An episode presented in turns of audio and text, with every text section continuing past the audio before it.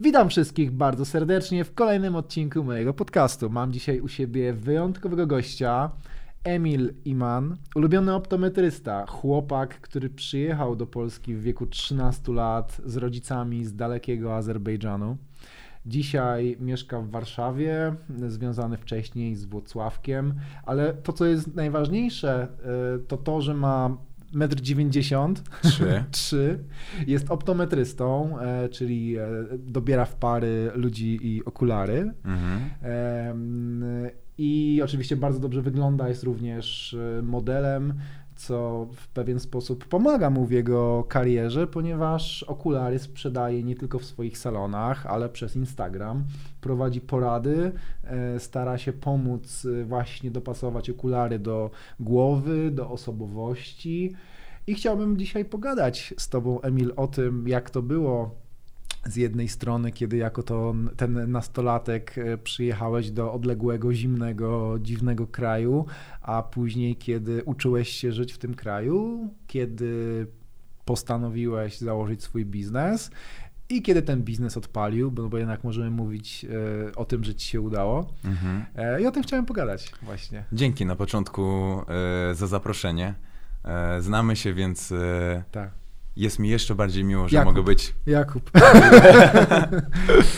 ja E, I miło mi. e, Emil wystąpił Że możemy w porozmawiać o tym. Karpatrii nawet y, u nas na, na, na, na sesji. na Dokładnie. lookbooku. Jako Super modelka. wypad. Jako modelka, no.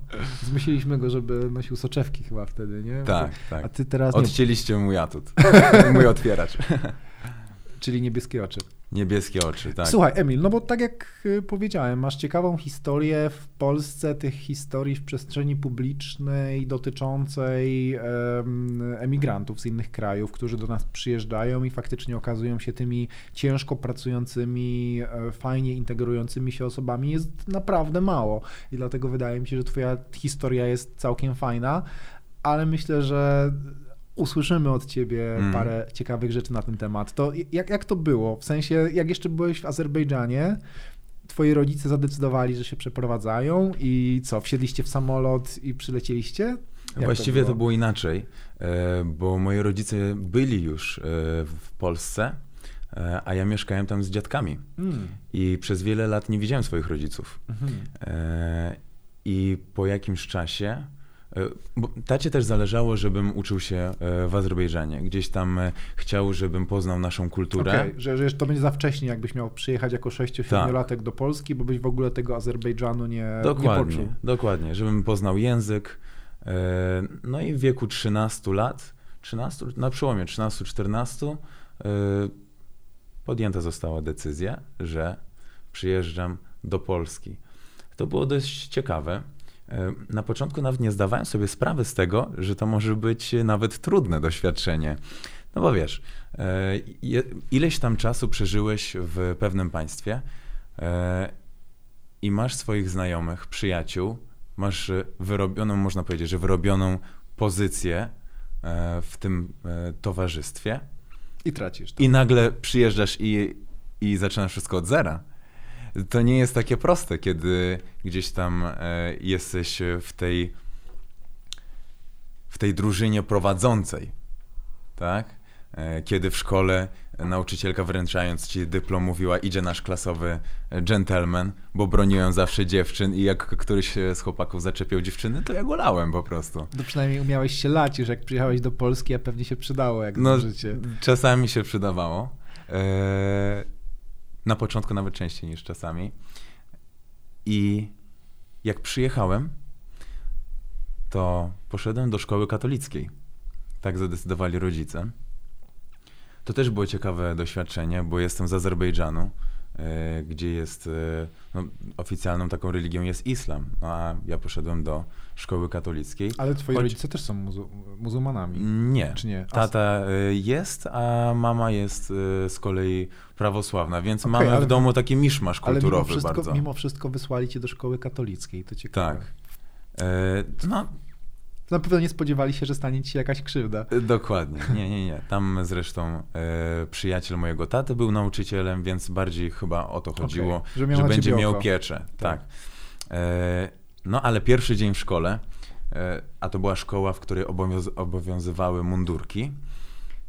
Ja nie wiedziałem, że pierwszego dnia nie obowiązują, więc każdy, wiesz, przyszedł e, ubrany Jak taki, jak chciał, rewia mody, e, a ja siedzę na przedostatniej ławce e, w mundurku i już widziałem te dziwne spojrzenia, mówię, no to się wkopałem, no nie. E, I pierwsze jakieś pytania od e, e, takiego gościa, który siedział za mną, e, mówi tak, skąd jesteś? Ja ledwo mówiłem po polsku w ogóle. Mówię, z Azerbejdżana. A mówi, a gdzie mieszkasz? A ja mówiłem, koło rynka. Więc już była beka z tego, jak odmieniam różne słowa.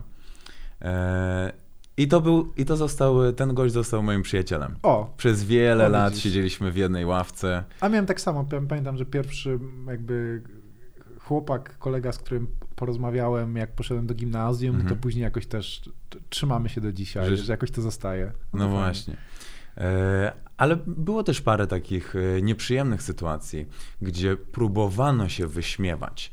E, Nawet jeżeli znałem znaczenie jakiegoś słowa, ale podpytywałem, bo siedziałem w ławce z kimś, no to e, taki kolega zrobił ze mnie żart. E, I bardzo tandetny zresztą, bo ja zapytałem go, czy karetka to jest e, ten pojazd, który Jak jedzie pamiętasz? po... No, no oczywiście, wiesz, trauma z No dzieciństwa. tak, tak, tak. Pytam się, czy karetka to jest ta, ten pojazd, który ratuje ludzi? Czy to chodzi o karetę, a kareta w języku rosyjskim to jest m, to, do czego e, konie są zaprzężeni, tak? No, po polsku też. No właśnie. E, I się upewniałem, a on zaczął wyśmiewać się, że e, Emil myślał, że kareta to jest samolot. I to jest tak dziwne, tandetne, ale dzieciaki zaczęły się śmiać z tego. No to wchodzę do szatni, bu.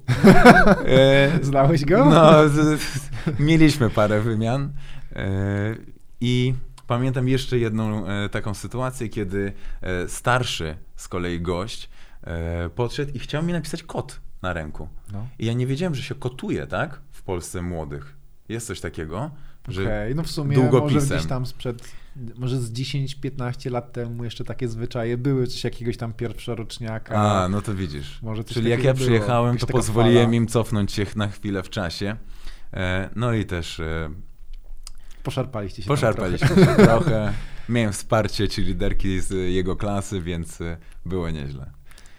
No ale myślę, że takie rzeczy Ale to są, to kształtują są człowieka, wiesz? te takie y, n- negatywne rzeczy, ale Tak. domyślam się, że jednak nie spotkałeś się wyłącznie ze złośliwością, tylko Oczywiście, że nie. tej pomocy i Mhm. to jednak- jednak byliście dzieciakami. Wiadomo, że dzieci bywają złośliwe, Tak. nie ma się co oszukiwać, ale nie tylko. Tak. Często powtarzam y, Polakom, bo mm, Polacy potrafią powiedzieć, że nie są tolerancyjni, a to nie jest prawda.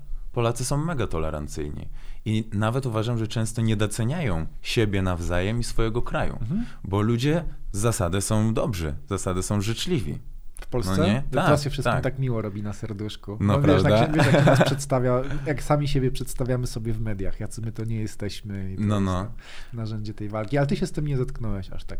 Y, Z, Czy ty się zetknąłeś właśnie z tą życzliwością? Y, że- Oczywiście, że tak. Tak, mamy wiele przyjaciół. Tak właściwie to można powiedzieć, że jestem y, spolszczony już po tylu Ja latach. bym w ogóle nie powiedział, że ty jesteś spolszczony. Ja bym powiedział, że ty jesteś Polakiem, ponieważ ja nie widzę, jak, jak się trochę znamy, ja niespecjalnie widzę jakąś różnicę Mhm. między tobą a innymi, nie wiem, e, facetami w twoim wieku, moimi kolegami. Ty, ty, czy wiesz, kilka lat w tą, czy kilka lat w tamtą. No. Mhm. Może jesteś taki grzeczniejszy trochę? Bardzo. Ty jesteś taki grzeczny, nie? Tak jest. Tak. Tak. Uśmiecha się ładnie, tak proszę Bo pani, ja lubię ludzi, okulary. wiesz. E, W ogóle e, te przeżycia, no bo później z Wocławka przeprowadziłem się do Warszawy i znowu nikogo nie znałem. I te doświadczenia z dzieciństwa pomogły mi tutaj e, też szybko nawiązać relacje. No bo tak jak mówisz, oprócz tych negatywnych miałem super przyjaciół w szkole i przeprowadzając się do Warszawy zastosowałem pewne schematy, które już znałem. Zupełnie podświadomie. I tak? udało się. I udało się. I teraz też y, y, skompletowałem tak jakby zespół przyjaciół, z którymi chcę iść przez życie. Nie? To jest ważne. Ale ty się przeprowadziłeś do Warszawy już, żeby otworzyć kolejny salon optometryczny, czy to było jeszcze wcześniej? Bo twój pierwszy salon otworzyłeś właśnie we Włocławku Tak, i do dzisiaj on tam sobie funkcjonuje, tak. ale w ogóle co cię podkusiło? Czy ty, nie wiem, rodzice ci mówili, żebyś robił coś swojego, Mhm. czy sam zapragnąłeś być przedsiębiorcą, bo wiedziałeś, że jesteś zdany w Polsce sam na siebie, e, bo jesteś tylko ty, tam mama, tata i Mhm. jakby niewiele, niewiele osób więcej, czy jakie, jakie motywacje się za tym kryły? Kiedy miałem 6 lat i szedłem e, w, byłem w Azerbejdżanie i szedłem z dziadkiem e, przez taką naszą e, jedną z głównych ulic. Jest tam taki budynek szklany, czarny ze złotym i już jako sześciolatek wskazałem na niego palcem i mówię, ten budynek kiedy- kiedyś będzie mój. O, ambitnie. Ambitnie. Jak przyjechałem do Polski, to tata od moich najmłodszych lat, można powiedzieć, że wmawiał mi, że będę zawsze przedsiębiorcą. O, okej. Że będę zdany A na jest siebie. przedsiębiorcą Tak, też? Okej. Tak, że e, żebym nie liczył nigdy na to, że od kogoś coś dostanę. Mhm. I tak bardzo mi to utkwiło i jestem za to mega Czyli wdzięczny. zostałeś wychowany po prostu w ten Tak, sposób, bo to, tak. jest, to jest istotne i tak ym, przez to, że zostałeś wychowany w ten sposób, to może być ci łatwiej, nie? Y, No, sam wiesz, że życie przedsiębiorcy nie jest łatwe, e, aczkolwiek wolę te trudności. No Wolisz nie? te trudności, a jednocześnie samodzielność. Tak. No dobra, ale to mm, jednocześnie ty poszedłeś na studia optometrycz, optometrystyczne? Tak się- właśnie wylądowałem w Warszawie e, na, e, na optometrię. Ale to było zanim miałeś ten salon. E, Zanim miałem ten Zanim salon. miałeś ten salon. Czyli ty wylądowałeś Tak. w Warszawie, przyszedłeś na, do- potem wróciłeś do Włocławka i tam założyłeś Dokładnie tak. Jak się ma to, ta chęć bycia przedsiębiorcą do tego, że wybrałeś yy, optykę? E, Już ci mówię, na początku nie byłem przekonany. E, Na pierwszym roku, e, bo to było tak, że większość ludzi szła albo na AWF, albo na medycynę, No. albo na fizjoterapię. Okej. Większość moich znajomych. No i wiedziałem, że jak pójdę na AWF, to będzie fajnie. Będzie zabawa, mega biba. biby, no Dokładnie, ale co po tych pięciu latach? A gdzie zależało mi na tej przyszłości. Na fizjoterapię dużo osób szło, więc też do końca tego nie czułem. E, Lekarzem nigdy nie chciałem zostać, bo uważam, że lekarzem powinien zostać ktoś, kto jest lekarzem z powołania, ma taką wewnętrzną potrzebę. Ja jej nie czułem. E, I dopiero na drugim roku, kiedy zaczęliśmy spędzać trochę czas w gabinecie i przechodzić przez te procedury, i pojawiła się praktyka w salonie optycznym, gdzie jako praktykant tak naprawdę miałem zamiatać podłogę. E, To tak myślałem, już- że czy myłeś, zamykałeś, No. czy co? E, dokładnie. I przyglądać się pracy. E, ale pewnego dnia sprzedałem dwie pary rajbanów. I gdzie nie wiedziałem e, Jako wtedy... sprzątaczka. Jako sprzątaczka, dokładnie. I nie wiedziałem, że mam jakiekolwiek zdolności Aha. sprzedażowe. Aż, Nawet, je, aż je odkryłeś. nagle. nawet myślałem, że nie umiem sprzedawać. I tak zastanowiłem się, A, e, całkiem fajne to jest. E, I zobaczyłem, że w tym jest też biznes. No nie? A przez to, że ten biznes jest połączony z pomocą dla ludzi i widzisz, że jak oni są zadowoleni, to są wdzięczni, no to myślę, że nie ma lepszego układu. Okej, no nie? czyli sprawiło ci to z jednej strony satysfakcję, z drugiej strony sobie pomyślałeś, no dobra, no to czemu mam sprzedawać okulary dla kogoś? Tak. Może będę sprzedawał je sam dla siebie? E, No już inaczej? ci mówię. Bo ten pęd do sukcesu miałem wyrobiony od dzieciństwa, em, no, bo widziałem też cięższe czasy. E, Były takie czasy, że e, nie było e, możliwości kupienia nowych, e, nowej pary butów e, czy koszuli, taką jaką chciałem jako dziesięciolatek, tak? E, Mimo, że zawsze dba, dbano o mnie e, tak, jak się dało, ale nie miałem też najdroższego telefonu i widziałem niestety, że w szkole gdzieś tam pozycje ludzie wyrabiają poprzez rzeczy materialne. Tak, za twoich, jest- za twoich czasów, za moich czasów już też tak było. Dokładnie.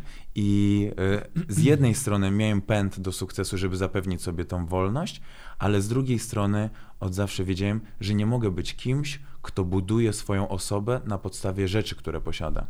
I ten rozwój naturalnie mnie skłonił do założenia działalności, ale dopiero potem, jak jeszcze po studiach rok przepracowałem u kogoś. Mhm. Tak. A to była świadoma decyzja, że poszedłeś do kogoś pracować, żeby się nauczyć Tak. tego, jak ten, tego fachu się nauczyć, Oczywiście. tego, jak salon działa, na czym zarabia. Po studiach nie jesteś problemy? przygotowany do w ogóle żadnego biznesu, Czyli mi się wydaje. rozsądnie. e, więc poszedłem To popracować. było tak po licencjacie, czy to był magister? E, Po Po licencjacie. licencjacie, okej. Tak, Czyli tak. po trzech, trzech latach 22-letni Emil szedł, poszedł Tak. do pracy do salonu we Włocławku? We We Wrocławku. Włocławku. No, no. Czyli wróciłeś trochę do Włocławka. Tak. Co więcej, e, nawet chciałem zakładać biznes z moim e, ówczesnym pracodawcą, ale nikt mi nie przedstawił takiej ścieżki kariery. Mhm. Wiesz? No to I- o takich rzeczach się nie myśli w małym salonie. No. No, jest salon, dwóch sprzedawców i no co, I- no, i it is what it is. No, jest taka praca, no to pracuj synek i tak. jakaś kariera. Karierę to się robi w Warszawie, a nie we Włocławku. No tak. To było mega doświadczenie dla mnie, bo zobaczyłem, jak e, powinien funkcjonować salon, ale też zobaczyłem, jak nie powinien funkcjonować salon. Aha. I wiedziałem, że są rzeczy, które u siebie bym zmienił. Tak? Więc to tworzy, chęć tworzenia własnej wizji naturalnie skłania cię do założenia swojej działalności. Ale w międzyczasie też pracowałem w modelingu. Co Nawet pozwoliło miałem- ci odłożyć trochę pieniędzy. Trochę odłożyłem, e, trochę pożyczyłem od rodziców. E, pracowałem też, nawet miałem epizod, epizod e, w finansach, Hmm. e, gdzie doświadczenie w branży finansowej jest super, bo tam stawiają na rozwój. na rozwój. Na rozwój, tak? Czyli e, książki, umiejętności e, sprzedażowe, tak?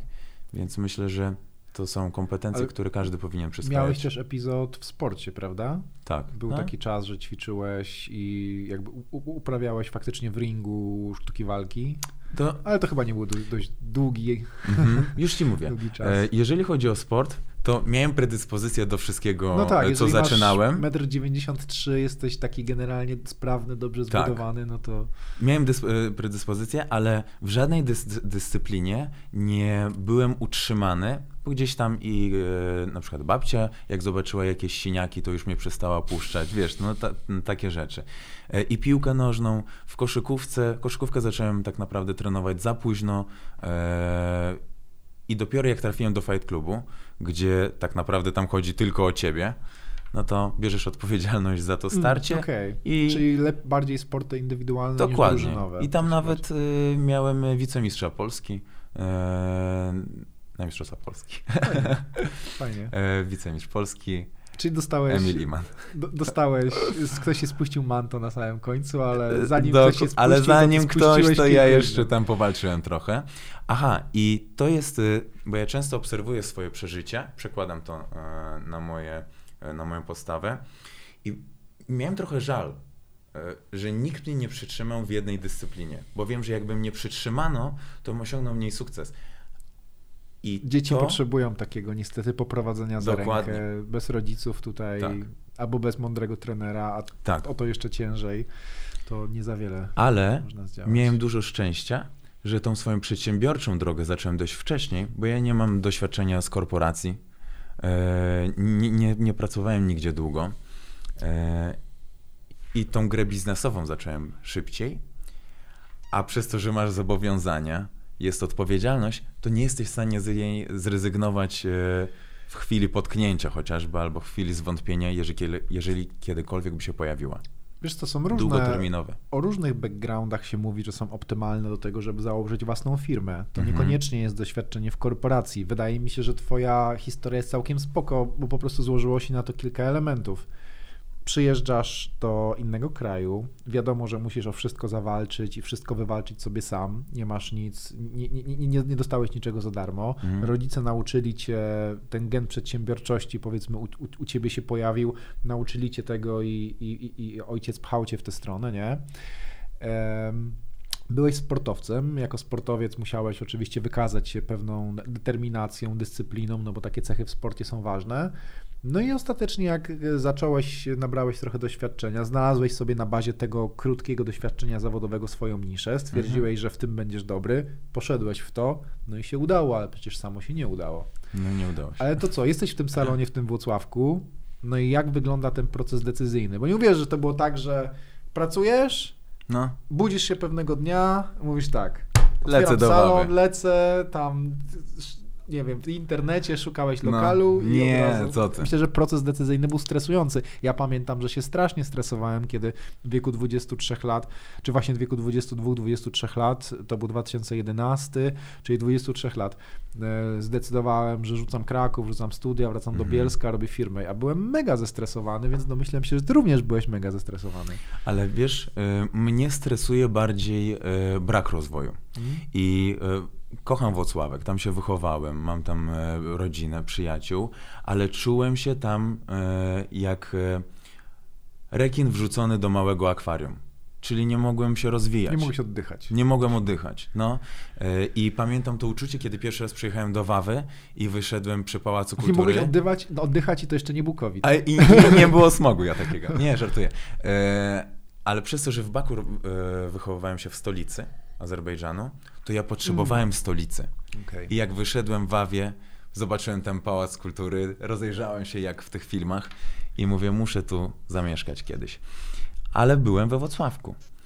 I nie wiedziałem, jak się przeprowadzić do Wawy, bo miałem jedną pracownicę e, i tak naprawdę ja byłem tym koniem pociągowym. No i wyobraź sobie, że mam mega dobry kontakt z mamą i rozmawiam z mamą. Mówię jej, że no słuchaj, ja chyba nie wytrzymam tak tutaj, ja muszę coś zrobić. Chcę A z mamą rozmawiacie po, po azersku? o nie, po polsku. Po- po polsku, po tak? polsku. Po polsku. Tak, tak. No, Po polsku, po azersku zależy. Zależy, Mieszamy okej. czasami. I y, mówię, chcę mieszkać w Warszawie, chcę tam mieć biznes, ale nie wiem, jak to zrobić. A moja mama mówi, po prostu to zrób. Just I do wiesz, it. y, no, a moja mama, wiesz, całe życie dba o dom, e, o rodzinę, e, więc y, nie jest przedsiębiorcą. Ale to jest to, wiesz, spytałeś, Ale- spytałeś swojej najbliższej osoby. Ja robiłem to samo, pytałem moich przyjaciół, e, czy ja mam to zrobić, czy mi się uda. Mhm. No to mi, to mi powiedział Łukasz, Łukasz mój, mój, mój przyjaciel, że stary, no ty jak się tak sobie tak postanowisz i to zrobisz, to ci się to uda, więc Mhm. tak samo, po prostu to zrób. I to było takie, wow, okej, do dobra, tyle? No. No, No, dokładnie. robię. Dokładnie. I y, spakowałem się, gdzie moja pracownica nie była samodzielna jeszcze. Ale nie, bo to, czy, ale to otworzyłeś sobie, przegapiliśmy ten moment, w którym ty otwierasz swój salon. Mi chodziło o to. E, mówisz o salonie we, We Wrocławku? Wrocławku, tak, tak, Aha, o stary, to zanim ja O otworzyłem... to odchodzi. Przed tym, jak ja otworzyłem salon, to ja bałem się, że zbankrutuję, wiesz z jakiego powodu? Ja cię właśnie o to chciałem spytać. Nie? Jak się, No. kiedy ty otwiera, jesteś pracownikiem i co? To nie jest tak, że się budzisz kolejnego dnia i stwierdzasz, otwieram salon i po prostu Okej. to robię, nie? E, No to jeszcze inaczej. E, Pracowałem i wiesz co, było tak, że już powy, powyżej tego roku nie byłem w stanie wytrzymać. Aha. I rozmawiałem z rodzicami o tym. Więc padł pomysł, żeby otworzyć Czyli wspólnie to tak działalność. rozmawialiście, że to Tak, byłoby tak, właściwe, analizowaliście to, jakieś tam wsparcie merytoryczne dostałeś, tak? Tak, No To tak. fajnie. E, I, I po prostu akurat przy pierwszym salonie nie zastanawiałem się w ogóle. Wiedziałem, że to chcę i wiedziałem, że to pyknie i jak ktoś mi mówił, przez pierwszy rok możesz nic nie zarabiać, sobie myślałem, nie po to coś otwieram, żeby nie zarabiać. I gdzieś tam na tej e, trochę, e, nie wiem, czy ignorancji, czy arogancji, ale na pewności siebie na pewno, e, od, pierwszego, od pierwszego miesiąca byliśmy rentowni. Mhm. Jeszcze z pracownicą. Mhm. No. I co? czyli jedyne, co? czego się bałem, No. to y, poprzednia szefowa nie pozwalała mi zaginać załóżników, bo żeby one się nie zsuwały, to musi zagiąć, prawda? Ja się bałem, że jak będę zaginał, to, będą się łamać, pękały Tak.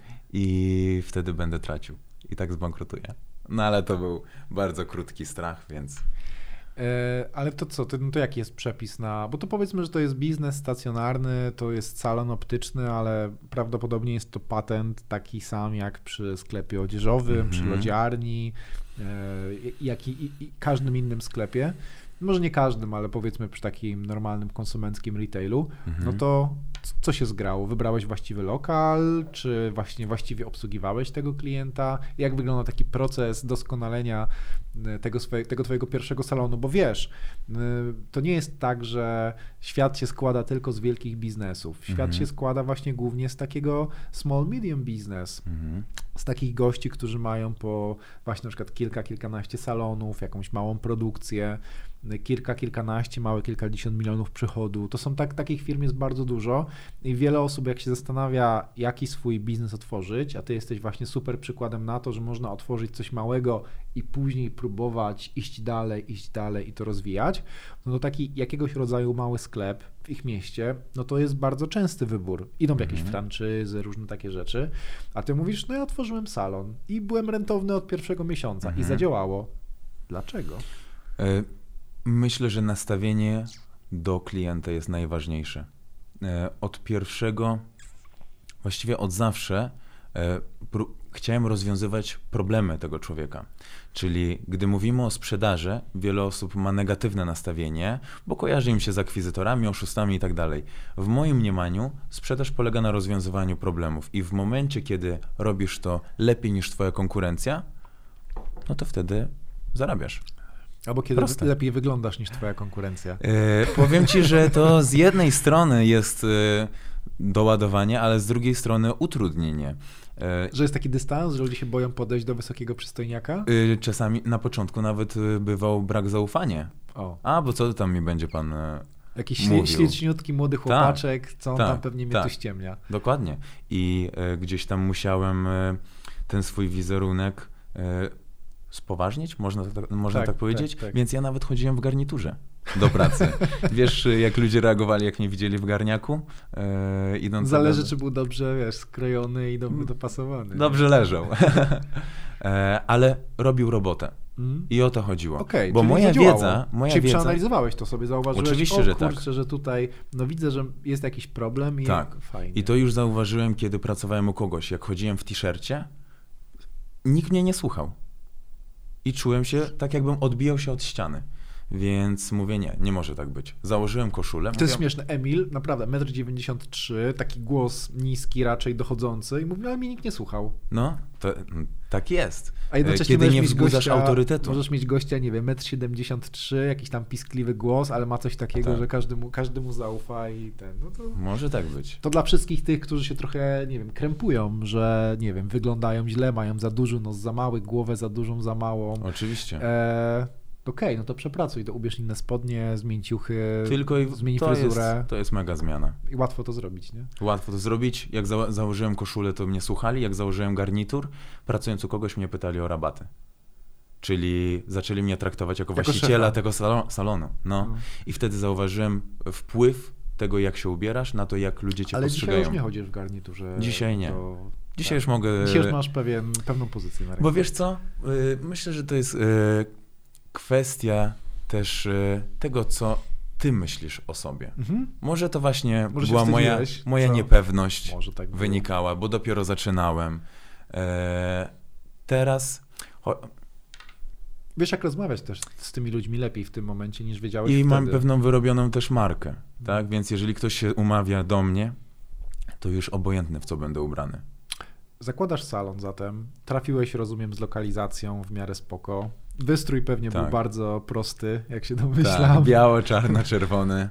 Do e, dzisiaj tak jest zresztą. Oprawki, które dobrałeś wtedy, prawdopodobnie dobrałeś na bazie tego roku obserwacji tego salonu, który tutaj I to mogły... były mega, częściowo nietrafione, nietrafione. zakupy, okay. E, bo wszystko robiłem na wyczucie, tak naprawdę. Pamiętam, że miałem pewien budżet i ten budżet przekroczyłem i miałem fakturę, słuchaj, na 10 koła. I, nie 10 koła. I nie miałem 10 koła, wziąłem to na termin. E, tak nie wiedziałem, czy to zrobić, no bo to jest pewnego rodzaju dług, zobowiązanie, zobowiązanie tak. ale e, ojciec mi wtedy powiedział, że to jest normalne, to jest korzystasz wtedy z pieniędzy innych ludzi, tak e, żeby Kredyt zarabiać. No, mówię, całkiem fajna opcja. E, ale borykałem się z tą fakturą chyba z 3 czy 4 miesiące. To się zdarza. No dzisiaj zamawiamy już trochę większej ilości. Ale to nieważne, im większa firma, tym większa skala, tym większe są faktury. No i tak, tak samo, jak jesteś dostawcą, no zdarza się, że twoim kontrahentom trzeba przesunąć termin płatności, no bo coś się dzieje, nie? Tak. I, I bazujesz na tym kredycie kupieckim. Ja, tak, ja też czasem naciągam moich dostawców, bo akurat, no nie wiem, jest gorszy miesiąc, albo inwestycję jakąś dużą poczyniłem, albo coś tam świat się nie kończy. Trzeba umieć rozmawiać z ludźmi i im to komunikować. Tak. Ale to ju- już jakieś, już jakieś ryzyko e, Mhm. się pojawiło na samym początku i mówisz, że te, nie wszystkie oprawki się sprzedały. E, Ja już dzisiaj nie wiem ile, może jakieś 5% z tego zostało. A, okej, Bo w naszym biznesie to jest e, fajne, że jest, że to się nie psuje, No tak. prawda? E, Chyba, że za A mocno serwis zapewniamy my. No, chyba, że nie umiesz tego robić, to. E... I co? I wracamy do. No, mamy ten twój salon, nie? Pierwszy, jakby dobra A, lokalizacja. wie- wiesz co, zastanawiam się, co może być wartością dla słuchaczy twoich. E... Ja, ja właśnie staram się o te takie bardzo podstawowe rzeczy w tym momencie Rozumiem. spytać. Czyli właśnie Tak. co? To nie wiem, można kryteria doboru tego salonu. Ju- Te właśnie na, na czym można było oszczędzić pieniądze, ale na czym tych pieniędzy oszczędzać nie należało. Mhm. Obsługa klienta jako ta wartość dodana, której za pieniądze nie kupisz, Mhm. bo to ty jesteś tym gościem, który robi obsługę klienta, czyli ty musisz sam siebie rozwijać w tę stronę i tak dalej. Nie, to, to, są, to są takie ciekawe rzeczy. Myślę, że nie ma co przepompowywać e, wnętrza takiego lokalu e, i postawi się głównie na asortyment i na obsługę. E, No bo obsługa musi mieć asortyment, który będzie dobierała. Ale ostatecznie kto nam patrzy na sufit? No Nie? Myślę, że ludzie robią trochę błąd, otwierając. Bo ty e, patrzysz na sufit, jak otwierasz sklep, Tak. bo zwracasz uwagę na wszystko. Dokładnie.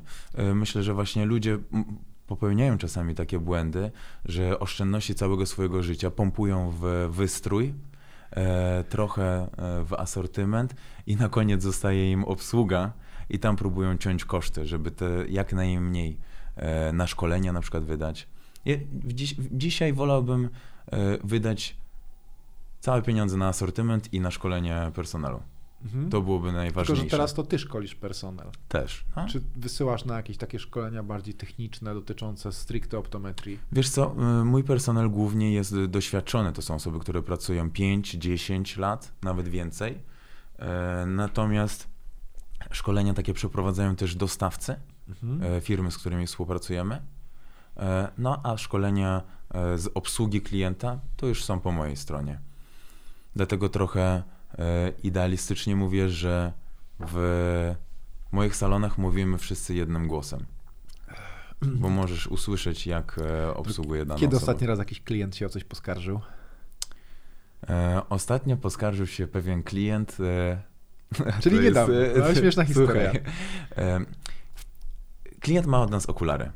Takie nawiercane, czyli są same szkiełka i Tak. tytanowy załóżnik. No i tytan ma to do siebie, że jest lekki, ale potrafi pękać. Te oprawy już miały chyba e, ponad rok, e, albo nawet już około dwóch. I nie wiem, czy przysnął, przy, e, czy ktoś mu przygiął te okulary, więc poprosił mnie, żebym mu poprawił. No. Bo układały się krzywo i nie widział dobrze. I I zawsze jest ryzyko, że pęknie, no i tym razem akurat pękła ta oprawka. No. I, I ciężko wytłumaczyć wtedy klientowi, nie? Ciężko wytłumaczyć i jak klient ma zapasowe w domu okulary, ale nie odpowiadają obecnej wadzie wzroku, tylko że widzisz, to jest siła wyższa, nie jestem w stanie, i nie jestem cudotwórcą. Nie? Jesteśmy bardzo w, dobrzy w tym, co robimy, ale na cuda trzeba Ale chwilę klient- poczekać. Klient się wściekł? I na taki Czy- cud czy musiał, na taki cud musiał poczekać 7 dni. Dokładnie 7 dni nam zajęło ogarnięcie dla niego nowego tytanowego załóżnika z modelu, który wyszedł już z produkcji. O, No, no to faktycznie mogło być trudne, bo to tak.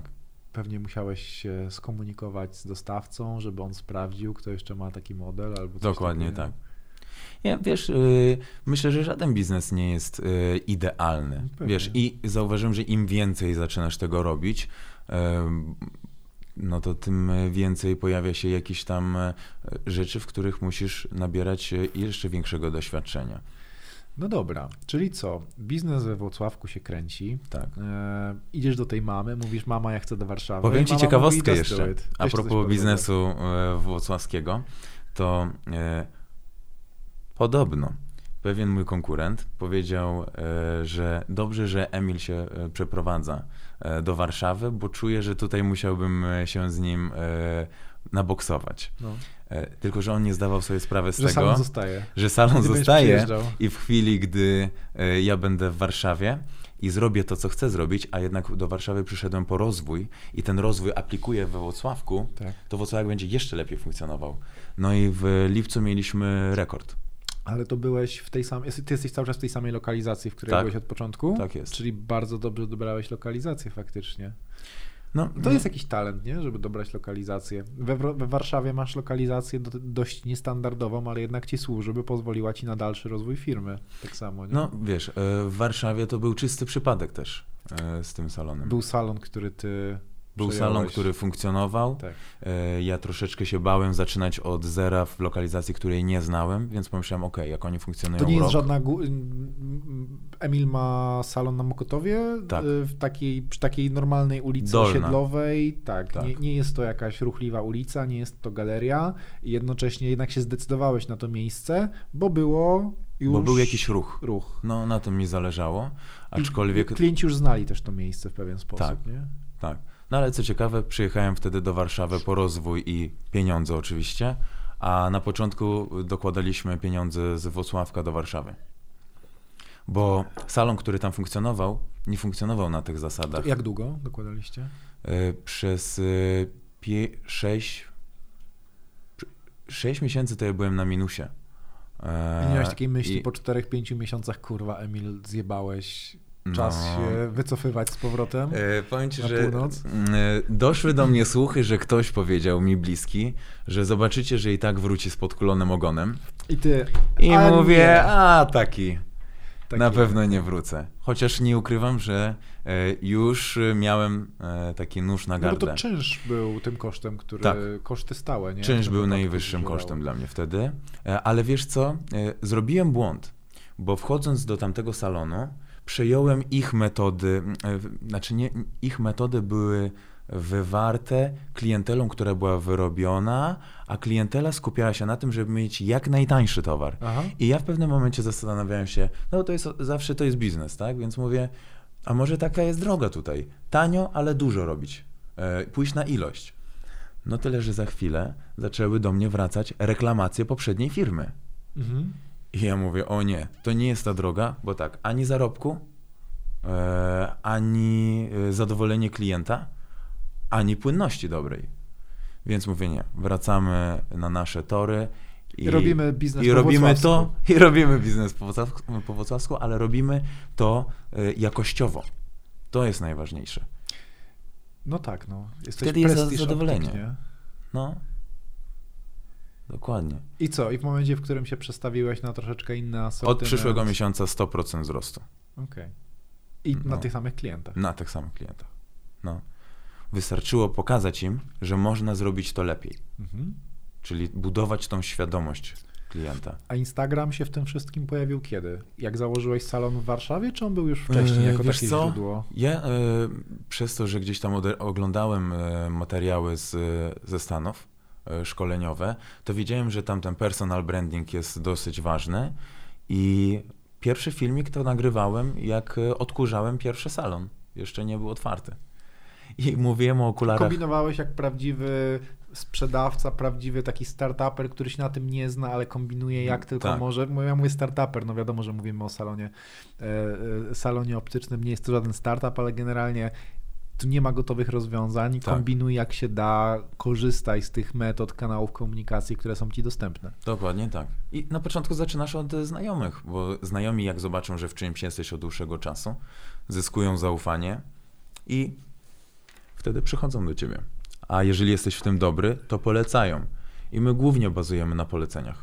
No ale co, za zacząłeś wrzucać na Instagram, jak rozumiem, filmiki. Wiele osób się zastanawia, w jaki sposób może Instagram Mhm. przysłużyć się im bizne ich biznesom. Nie pewnie gdybyś wziął przeciętnego polskiego optyka Mhm. i powiedział mu, panie, tu jest Instagram, tu jest salon, Wrzucaj. połącz to, nie? To byłoby wow, ale się nie da tego połączyć, bo przecież jak Mhm. to? Ja mam sam, zaraz by wrzucał pewnie zdjęcia oprawek i tak wyglądałby content, tak pewnie wygląda content większości y, profili instagramowych polskich salonów optycznych. I bardzo dobrze. I no tak bo my wygląda, mamy czas, tak? żeby wyjść na prowadzenie. I Emil mówi, a ja to zrobię inaczej.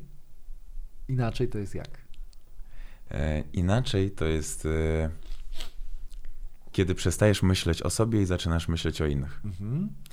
Czyli e, mój content polegał na tym, że właściwie polega na tym, teraz też jesteśmy po nagrywkach, tylko już y, wchodzimy na wyższy level, y, polega na odpowiedzi na problemy i pytania moich klientów. Aha.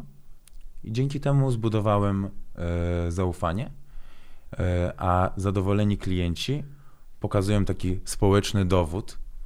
Że warto na, nam zaufać. Czyli co, pisze Ania z, nie wiem, z Muranowa, Mhm. pisze Emil pomóż. Mam, nie wiem, chcę kupić okulary, I Emil siada do Merola, jedzie i pomaga. wsiada do Merola, przywozi do salonu, nie no, chyba tak Tak. dobrze nie jest. Mówi, mówisz, bo to z jednej strony możesz powiedzieć Ania wpadaj, ale Ania może być też, nie wiem, z Olkusza. I ona Tak. nie przyjedzie do Warszawy, ale może cię śledzić na Instagramie. I co ty Mhm. wtedy robisz? E, My mamy takie rozwiązanie. Jeżeli jest osoba, która nie ma do nas jak przyjechać, zaczynamy rozmawiać o tym, jaki ona ma pomysł i mówi nam, jakie, jaką ma wadę wzroku. No bo nie jestem w stanie jej zbadać na odległość. E, I wysyłamy jej 3 do 5 propozycji. Myślę, że to wygląda bardzo podobnie do tego, jakby to wyglądało w salonie optycznym, bo w salonie też dajemy 3 do 5 propozycji na podstawie ja ciebie, rozmowy. Jak, jak ja u ciebie byłem, dałeś mi jedną, drugą, powiedziałam "Ma- może ta, może ta, w końcu gdzieś tam była jakaś decyzja, z pięć, siedem Tak. opraw może przymierzyłem, wybrałem. Dokładnie. Dobry wybór. I ten dobór tych trzech do pięciu to już jest nasze Mhm. know-how. Jak, jak to zrobić? A to robimy na podstawie Patrzysz, zadanych łeb pytań. bardziej okrągły, bardziej kwadratowy, ktoś wygląda bardziej jak żarówka, a ktoś bardziej jak, Mhm. nie wiem. Gdyby to było takie proste, to łatwo można byłoby to zaaplikować w e-commerce. Ale to nie jest aż tak Mhm. proste, dlatego że czasami spotkasz e, kobietę, która ma okrągłą buzię, z nią chwilę porozmawiasz i ona fajnie wygląda w okrągłych oprawkach. I co wtedy? Ona ma nie taką powinna. osobowość. A, nie powinno, powinna. a nie powinna, ale złote okrągłe oprawki, ona czuje się w niej sobą. Bo gdzieś tam osobowościowo kiedyś mówiłem, że każda oprawa ma swoją osobowość tak jak klient, a my dobieramy ich w pary. Mhm. No i to było, to jest coś, co nas wyróżnia. Okej, Że czyli, podchodzimy do tego psychologicznie też. czyli content marketing, e, bo ty, tobie się zdarza prowadzić jakieś takie krótkie live'y, ale wrzuca, wrzucać na Instastory albo też na feeda filmiki, w których opowiadasz właśnie jak dobrać te okulary do twarzy, jakich błędów nie należy popełniać. Tak. E, No i ludzie to oglądają. No bo wiesz, czasami widzę, że e, ktoś, że są osoby, które wypowiadają się na temat okularów, ale ma tak, po pierwsze okrągłą, okrągłą e, buzię, nosi okrągłe oprawki, które opierają się na policzku, e, mają za krótkie załóżniki i nie leżą mu na nosie. Więc tu dochodzimy do momentu, kiedy ja już nawet nie myślę o tym, żeby dokarmić swój biznes, tylko robię coś dla idei. No nie? I to jest pewna taka nauczka dla mnie biznesowa, życiowa, że przy pierwszym salonie myślałem głównie o tym, jak odżywić siebie, bo musiałem się usamodzielnić. Przy drugim, jak odżywić salony i siebie. Teraz, jak otwieramy trzeci salon, to robię to dla idei. I to jest y, mega fajne uczucie. Biznes się rozwija. To jest jedy, najlepszy dowód na to, że te metody, które stosujesz, są właściwe. Tak. A masz więcej klientek czy klientów? E, Mam więcej klientek, Czyli jednak. ale e, pracujemy nad tym. Ale widzisz, że niektóre laski przychodzą tylko dlatego, żeby zagadać do tego przystojnego modela? Wiesz co? Zdarza się? Ym, Czy nie? Czy Zazwyczaj. to tylko taki, wiesz, czy tylko to jest taki żart, którym cię raczą osoby, które, Mhm. które tak naprawdę nie znają tego biznesu od środka? Hmm. Zdarzają się e, o, kobiety, które e, widzę, że mnie lubią, że znają mnie z Instagrama, e, ale nie zostają tam tylko dla czarów. Aha. Wiesz, jednak musi być to mięso. Musi być e, Jak właściwa... wejdą, to już głupio nie kupić, nie? Nie do końca, Nie? nie do końca. Nawet często jest tak, że e, ja deleguję tą sprawę kierowniczce i ona obsługuje tą dziewczynę. Wiesz dlaczego? Bo ciężko jest jej się skupić na naszej rozmowie. O, I to nie ułatwia mi wtedy No tak. obsługi, No no tak. nie? Bo ona mnie nie słyszy. I dlatego deleguję, kierowniczka wtedy robi e, pracę, która powinna być zrobiona, no nie? A ja dbam o, e, o je- no nie wiem, o, o jej zadowolenie, chciałem powiedzieć. A dbam o to, żeby to wszystko było zrobione na takim Oczywiście. poziomie, na jakim chcę, żeby było robione.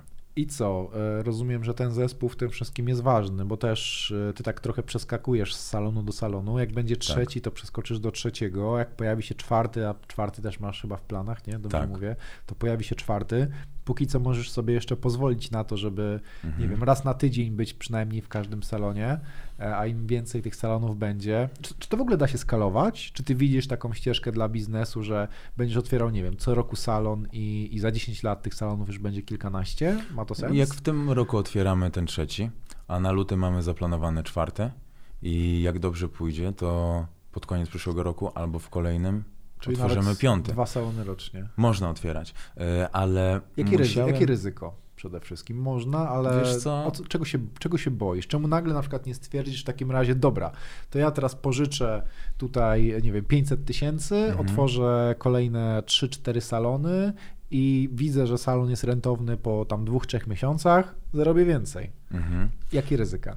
Mm, No tak. Po pierwsze, myślę, że im mocniejsza jest e, moja marka osobista, tym to ryzyko jest mniejsze. Mhm. Po drugie, wraz z rozwojem e, my jesteśmy jako zespół coraz lepsi i osoby, które do nas dołączają, też są na mega poziomie. E, Kolejny aspekt, który zmniejsza ryzyko.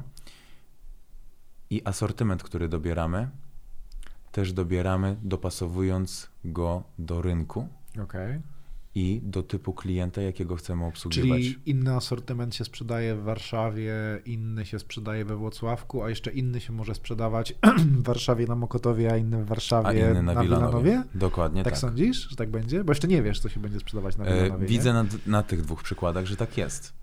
E, W Warszawie powolutku ludzie odchodzą od e, takich logotypów dużych, Okej. tak?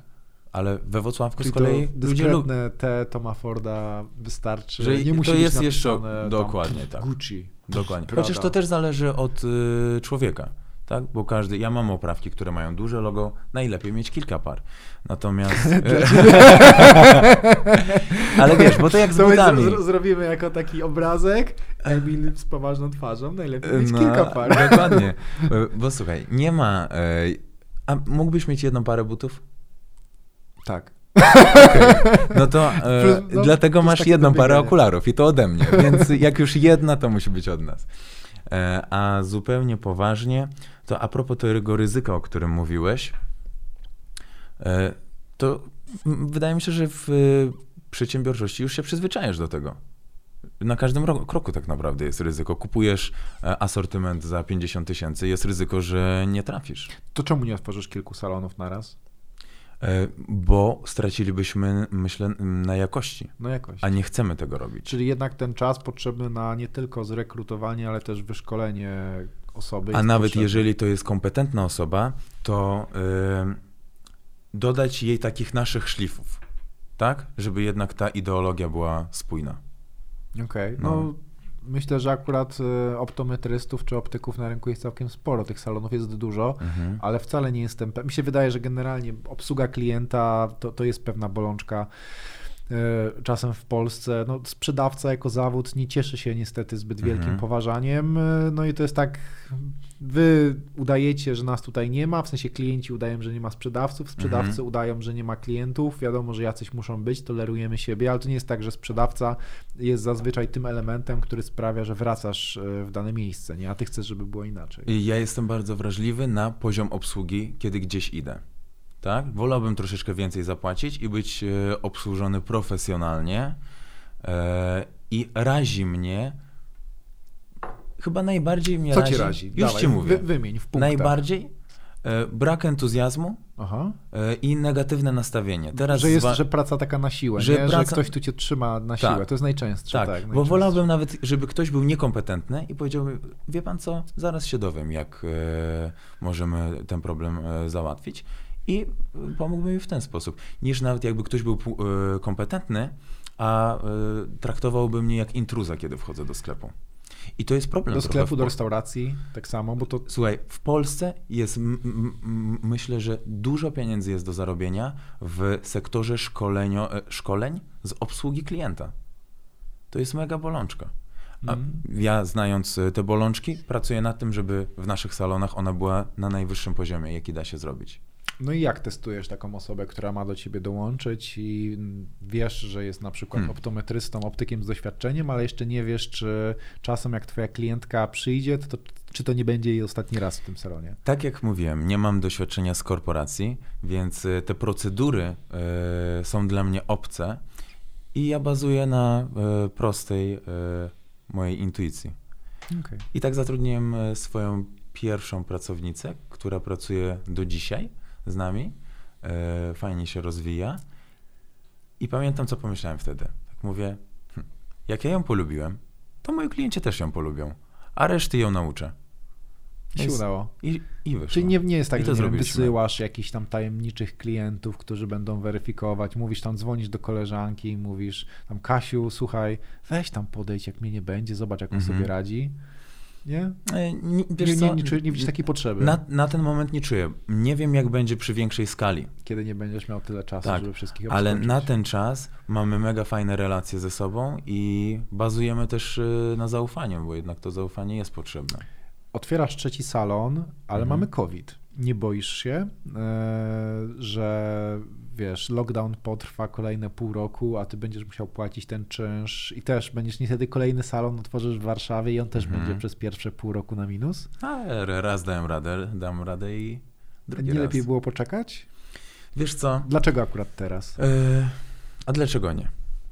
W sensie no bo nie, teraz... nie uważasz, żeby to miało negatywny wpływ. Ludzie potrzebują tych okularów, wchodzą do tych sklepów, mhm. tak, to, że to jest inny rodzaj sklepu niż, niż galeria. Nie kupujesz przez przypadek, tylko idziesz w dane miejsce, tak? To no bo zobacz, strony. ludzie mieliby się bać e, przyjść do optyka, ale nie boją się iść e, do supermarketu? No większy jest ruch w supermarkecie albo w aptece. Więc my tak naprawdę jesteśmy e, biznesem nawet bardziej bezpiecznym bo do salonu optycznego nie wchodzi codziennie 50 osób. A nie jest wyzwaniem logistycznym w tym momencie mierzenie ludziom okularów w maskach? Maska jednak sprawia, że te okulary ci trochę parują, nie? Czy, czy macie jakieś patenty na to, które sprawiają, że nie e, parują? Robimy też tak. E, my zakładamy przyłbicę, e, natomiast klient zdejmuje maseczkę podczas mierzenia okularów, a później dezynfekujemy te okulary. Mhm. Więc takie obraliśmy na to sposób. No, ale można też y, bo patrzeć, bez... czy klient dobrze wygląda w okularach i w maseczce. No, dokładnie, bo w sumie nie wiadomo, na ile zostanie ta maseczka, więc może do no. maseczki ją dobrać. Może zawsze lepiej. Tak. Oczywiście, że myślałem e, o tym, czy to jest, e, czy to jest e, dobry moment, ale gdzieś tam z tyłu głowy siedzi mi taka myśl, że kiedy wszyscy się boją, to ty wtedy musisz cisnąć dalej. Czyli kiedy inni nie otwierają tych salonów albo je zamykają, tak. Emil otwiera, jak się wszystko odblokuje, no to Emil będzie. Sam powiedziałeś, że w lipcu mieliście e, najlepszy miesiąc. Dwa tak? miesiące z rzędu w ogóle rekordowe w obu salonach. Mimo, że kwiecień, maj to były miesiące mhm. przestoju i potem się odbiło. Wiesz co, e, jak e, na początku zamknęli, e, jak był lockdown, to bardzo się stresowałem. Ale w pewnym momencie zauważyłem, że ludzie do mnie piszą cały czas. Czy mogą przyjść, przykręcić śrubkę? E, czy może wstawić e, szkło jedno, bo jedno ma porysowane? Czy może wstawić szkła, bo wypadły, a ma, zdalnie pracuje? Aha. I pojawiały się takie proste problemy, których nie jestem w stanie ogarnąć, a bez rozwiązania tych problemów oni zostają tak naprawdę no niesprawni w 100% Może do mają trybu stare życia. okulary albo coś, ale wiadomo jak to tak, jest. Tak, I mówię, tak sobie pomyślałem, że nie, nie może tak być. Otworzyłem salon, e, zabezpieczyliśmy się we wszystkie znane środki bezpieczeństwa i powiedziałem swojemu personelowi, że jeżeli wy się boicie, to ja was rozumiem. Ale ja wtedy będę pracował trzy dni w Warszawie, a trzy dni we Włocławku. Sam. Ale ty ostatecznie miałeś COVID i siedziałeś w domu. Tak. Ja. Ale nie, nie wtedy. Nie wtedy, to było w trakcie, tak. w trakcie lockdownu. E, e, czy jeszcze później? Nie, COVID miałem e, dwa i pół miesiąca temu. Czyli w lipcu. W lipcu, jak e, zrobiłem sobie akurat taki luźniejszy czas, e, więc e, nie No to był aż tak wtedy, tak luźny, że złapałeś COVID. Aż tak? tak luźny, że złapałem COVID. Nie do końca wiadomo jak. E, no, ale... Ale jesteś pewien, że go miałeś? W sensie powtarzałeś test, czy robiłeś Y, tylko tak, jeden? robiłem jeden test pozytywny, a później e, już były dwa negatywne.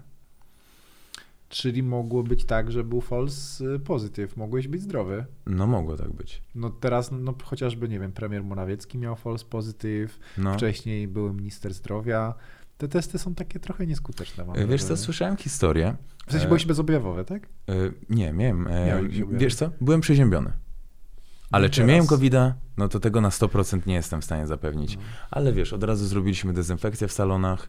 E, pomimo, że nie było mnie przez ileś dni e, przed tym, jak e, byłem w domu, bo ch- chyba z 10 dni czy 2 tygodnie w ogóle nie pojawiałem się w salonie, bo musiałem się zresetować. Oczywiście. E, a później się okazało, że wiesz, no, Ciekawe. coś tam nie złożyło i, i te 23 dni No właśnie, spędziłeś w trzy domu, tygodnie w domu. Jak, sam. jak wykorzystałeś ten czas? najlepiej jak mogłem. Z brzuszkiem czy z bickiem? E, Wyszedłeś z z książką. z książką. E, wiesz co, wydaje mi się, że każdy człowiek sobie raz do roku powinien zrobić e, Taki lockdown. taki lockdown, no, żeby posiedzieć sam ze sobą, No to wiele E, ludzi i- zrobiło i przerobić. w kwietniu, nie? przerobić pewne rzeczy. I y, do tego czasu myślałem nawet, że nasz biznes nie jest taki skalowalny, że ciężko mi będzie przeskoczyć tą barierę jakości. Ale będąc na lockdownie, e, na lockdownie, e, będąc na kwarantannie, wymyśliłem, jak to zrobić. Hmm, czyli usiadłeś, miałeś czas dla siebie. Nie jest tak, że siedziałeś, grałeś w FIFA przez cały dzień po prostu dzień Przez w pierwszy dzień. tydzień, e, przyznaję się bez bicia, jadłem chipsy, oglądałem Netflixa, e, no ale po siedmiu dniach mówię, nie, no to chyba to nie jest droga do przyszłości. Więc e, wróciłem, Ale tym bardziej, że salony były funkcjonalne, więc i tak musiałeś być pod telefonem. Salony zrobiły wtedy, e, miały dwa rekordowe miesiące, beze mnie. I to dla mnie e, było nie? To bardzo jest, ważne. pewna, jest to pewna sugestia. Tak, to było dla mnie mega ważne, bo Odkry, zauważyłem... a od, odkryłeś, że jesteś niepotrzebny w swoim biznesie. A wiesz, co to znaczy, że jesteś niepotrzebny w swoim biznesie? To oznacza, że zrobiłeś dobrą robotę. Mm, właśnie tak nie ma nic mówisz. lepszego, nie ma lepszej laurki dla przedsiębiorcy niż to, kiedy znikasz z firmy i ona funkcjonuje bez ciebie. Zauważyłem, że te mechanizmy, które wprowadziliśmy, zaczęły procentować. Dokładnie. I dzięki temu mogę się teraz skupić e, na tym, co od początku tak naprawdę robię. Czyli ściągam. E, em, jestem twarzą naszej firmy. Tak? Ale jednocześnie obsługuję klientów, którzy chcieliby tylko i wyłącznie do mnie przyjechać. Mhm. A jest tak, że ktoś chce przyjechać koniecznie do ciebie i No, po prostu czeka, cały czas. w salonie? Cały czas. No, Stali klienci. tak, to jest e, fajne to jest. I gdzieś Fajne, jest, ale właśnie trudno skalowalne. Tak. Czyli co, usiadłeś trochę z Excelem, trochę z własną wyobraźnią, trochę sam ze sobą, zacząłeś liczyć i stwierdziłeś, dobra, no to jestem w stanie otwierać dwa salony optyczne rocznie i jestem w stanie tak robić to aż co, aż coś nie, zacznie, aż coś nie przestanie działać. E, Celem jest e, zbudowanie franczyzy. Okej. A żeby zbudować franczyzę, musi być mocny brand. A żeby, być, żeby był mocny Ale to czyli brand. pod marką Prestige Optic? Dokładnie cały tak. czas? No, Okej. taki jest cel. Czyli jak e, oglądają nas ludzie, którzy chcą zostać franczyzobiorcami marki Mhm. franczy, e, Prestige Optic, to mogą pisać do ciebie na Insta. No, choć to nie jest takie łatwe. E, Trzeba bo przejść będzie przez gęste sito. mocna, mocna jest kwalifikacja. Pierwszy taki punkt otwieramy w przyszłym roku, w lutym. Mhm. Fajnie. No. A już jest, macie już lokalizację, wszystko jest dobrane, tak, czy jeszcze już jest szukacie? dograny lokal i Super. Super. Ale mówisz, że kolejny dopiero może być jeszcze w następnym roku. To jednak dwa salony na raz jest, pew, to pewny, jest pewny wysiłek finansowy, Mhm. pewien, który, który Nawet nie o to chodzi. E, nie, nie bardziej, zatowarowanie, gdzieś tam ten, ta maszyna optometryczna pewnie.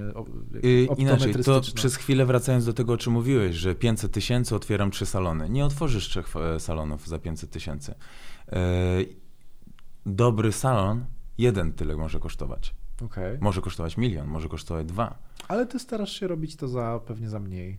No Niż za milion? Zrobić, no. Za mniej niż za milion. Mniej niż za milion. tak, tak. E, co, co jest najdroższe? Bardziej maszyny, bardziej wystrój, bardziej Asortyment. ten towar, asortyment. asortyment, no. No to bo- ty, ty, może, ty jesteś w stanie mieć jeden centralny stan magazynowy, który obsługuje ci wszystkie salony. Nie, nie, nie musisz powielać tej. Ile, ile musisz mieć rzeczy na wystawkach e, u siebie na raz? Nie wiem, z 200 oprawek? Co? ty? Więcej? Nie wystarczy. 200 za mało? E, fajnie jest, jak jest 500-600. 500, 600. No, A 500, 600 to już jest no kilkadziesiąt tysięcy. więcej. Więcej nawet. To już y, dochodzimy Pię- no do sto, kil, 100, kilkustów, 100, no może być 200 tysięcy, no, ale to masz takie droższe, no to faktycznie to nawet są, czasami no, więcej. z 200, no okej, czyli towar. No. A towar dostaniesz na, jak, dostaniesz na jakiś taki mały, ma, mały termin, ale Tak. niestety w całości nie jesteś w stanie tego z obrotu spłacić w kilka miesięcy. No bo Nie ma nie szans. robią takich obrotów. Mm. Nie ma szans, żebyś to tak y, wziął całość na termin i spłacił. Czyli tak, no to co sobie zarobisz, to sobie ładujesz i kolejny, i kolejny. Ale to jest e, biznesowo tak konieczne, że aż tyle opraw musisz mieć w danym miejscu, nie jesteś w stanie mieć mniejszych punktów. Wiesz co, i teraz tak. Pytanie, jakie kto ma doświadczenia? Y, Ja wychodzę z założenia, że faktycznie y, do danego klienta pasuje 3 do 5 opraw. Ale żeby wybrać te 3 do 5 opraw, no to muszę mieć z czego wybierać. Mhm. A nie robimy czegoś takiego, że podajemy oprawę i wmawiamy komuś, że w tym jest jemu dobrze. W takich przypadkach wolimy, jeżeli nawet zdarza się, że bardzo rzadko się tak zdarza, ale bywa czasami.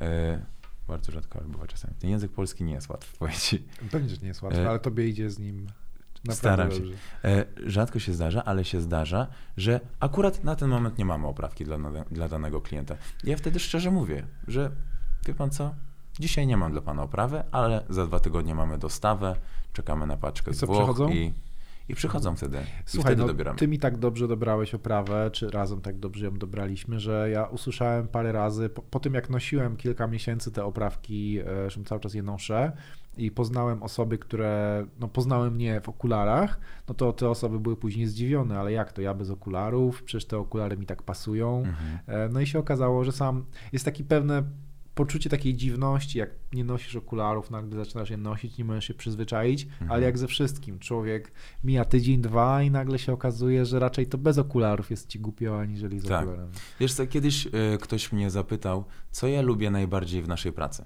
Co ja lubię w swojej pracy najbardziej. I zastanawiałem się przez chwilę. Oczywiście to nie chodzi o przekładanie szkiełek w gabinecie, e, tylko ileś kobiet od razu sobie przypomniałem, które wchodziły do salonu i widać było, że gdzieś tam ich samoocena była nadszarpnięta. Często ta samoocena jest nadszarpnięta przez ideały instagramowe, Mhm. które tak naprawdę nie istnieją. Mhm. No ale ta dziewczyna o tym nie wie. I mm, mamy parę takich koleżanek, prawda? I wiemy, jak to jest w rzeczywistości. E, Wiemy. ale. Różnice są czasem ogromne. No dokładnie. Ale e, ta kobieta staje przed lustrem i podajemy jej jedną oprawę, drugą i żadna jej się nie podoba. I prawda jest taka, Że że to nie oprawa jej się nie tak, podoba, tylko ona sobie tak. się w niej nie podoba. Więc zaczynamy e, bardziej psychologicznie do tego podchodzić. E, Mówisz jej, Aniu, ale ty jesteś piękna. nie, nie, nie. E, Nie e, mydlimy nikomu oczu. Tylko e, podczas mierzenia opraw bardzo szybko możesz zauważyć, jakie cechy danej twarzy są fajne. Niektórzy mają zgrabny nos, niektórzy mają linię żuchwy, fajnie zaznaczoną, kości policzkowe, usta czy oczy, tak? Włosy. Więc jak już powiemy o tych kilku rzeczach, uświadomimy tą osobę, że te cechy kobieto masz fajne, Chcesz powiedzieć, a ty masz piękne włosy, ale ty masz piękną, nie wiem, oprawę oczu na przykład i nie chowajmy jej albo coś takiego. E, no, przykład, oczywiście. I e, mierzymy te oprawy, dobieramy je i jak już ona przychodzi odebrać te okulary, to wchodzi inna dziewczyna. Z lekkim make-upem, e, zadbana, inaczej ubrana i sama mówi nam, że dopiero wychodzi od fryzjera, zakłada te okulary, ona patrzy w lustro, bam, to jest inna osoba. Ale w końcu ona czuje się sobą. I ta przemiana to jest to, co najbardziej cenię w naszej pracy. Super, bardzo fajnie to brzmi, Emil. Powiedz mi w takim razie, mm, za 5 lat, gdzie będziesz albo gdzie chciałbyś być? Mhm. E, plan jest taki, żeby w ciągu pięciu lat zbudować ten model franczyzowy, który będzie funkcjonował. Jednocześnie chciałbym być dystrybutorem opraw i produ- e, nie producentem, tylko chciałbym produkować oprawy, wykorzystując swoje doświadczenie w Pod branży własną marką. pod własną marką. Fajnie. Dokładnie tak. Bardzo fajnie. E, chyba tyle. fajnie się gadało. Opowiedziałeś naprawdę dużo fajnych szczegółów z wnętrza twojego biznesu, ale myślę, że te rady były bardzo uniwersalne. I, i ta Nikomu nie rozmowa- mówcie w razie co. I ta rozmowa przyda się właśnie wielu osobom, które boją się, trochę nie wiedzą jak. Ja staram się promować tego typu biznesową otwartość i nigdy jeszcze na tym źle nie wyszedłem, że komuś coś powiedziałem, bo to sam dobrze wiesz, że łatwo się mówi, a ciężko się robi. I Oczywiście. to, że ty komuś powiesz, że obsługa klienta, ale później, no halo, wdrożenie tego w swojej organizacji to nie jest, to nie jest hopaj siup, jeżeli nie wiesz jak, to najpierw musisz się dowiedzieć, jak, to, jest, to, to już jest bariera, przez którą większość osób nie przejdzie. Mhm. E, Tak czy siak było, było to bardzo ciekawe i inspirujące, no bo faktycznie udało ci się, udało ci się, udaje ci się twoją firmę rozwijać, masz na nią pomysł e, i, i, i mam nadzieję, że, że słuchacze wyciągnęli z tego wiele ciekawych rzeczy. Oczywiście piszcie do Emila. W Nie, razie pytań. nie tylko jak e, będziecie chcieli kupić oprawki, ale też myślę Emil chętnie podpowie, jak zorganizować to i owo. Dzięki za wizytę Dziękuję bardzo. i, i widzimy się w kolejnym odcinku. Trzymajcie się, cześć.